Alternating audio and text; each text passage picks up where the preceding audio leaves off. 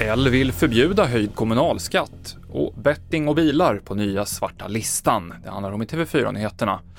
Men vi börjar med att berätta att den 15-åriga flicka som är misstänkt för mord på sitt yngre syskon i Vällingby i Stockholm i juli kan lida av en psykisk störning. Det framgår av den så kallade lilla sinnesundersökning som gjorts. Enligt läkarintyget från undersökningen kan det misstänkas att flickan lidit av allvarlig psykisk störning när gärningen begicks och även under undersökningens genomförande. Liberalerna vill införa en skattebroms för kommunerna. De som höjer skatten ska enligt förslaget få lägre statsbidrag. Och syftet med förslaget är enligt Liberalerna att skydda hushållens ekonomi i ett svårt ekonomiskt läge med prisökningar och höjda räntor. Idag kom tidningen Råd och Röns svarta lista på företag som inte följer Allmänna reklamationsnämndens rekommendationer. På årets lista så sticker spelbolag ut och en bekant bransch i sammanhanget, nämligen bilhandlare.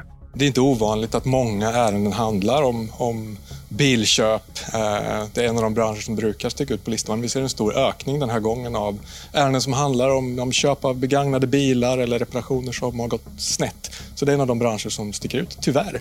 Eh, och man kan konstatera att, att det är en bransch som tyvärr fortsatt dras med oseriösa företag som då också svärtar ner ryktet för alla de företag som faktiskt är proffsiga och gör rätt för sig. Det sa Daniel Kjellberg, chefredaktör på Råd och Rön. Delar av Svarta listan hittar du på tv4.se. Det väntas höga temperaturer på många håll imorgon, men om du bor i Lerum eller Partille och tänkt bada i sjön Aspen bör du tänka om. Ett rör har skadats i samband med ett arbete i Lerum och för att förhindra översvämningar så måste kommunen nu bredda ut avloppsvattnet i Säveån, som i sin tur rinner ut i Aspen. Det avråds från bad i hela sjön, rapporterar GP och ett stort antal personer var fast i tunneln i Engelska kanalen i flera timmar igår efter att deras tåg gått sönder.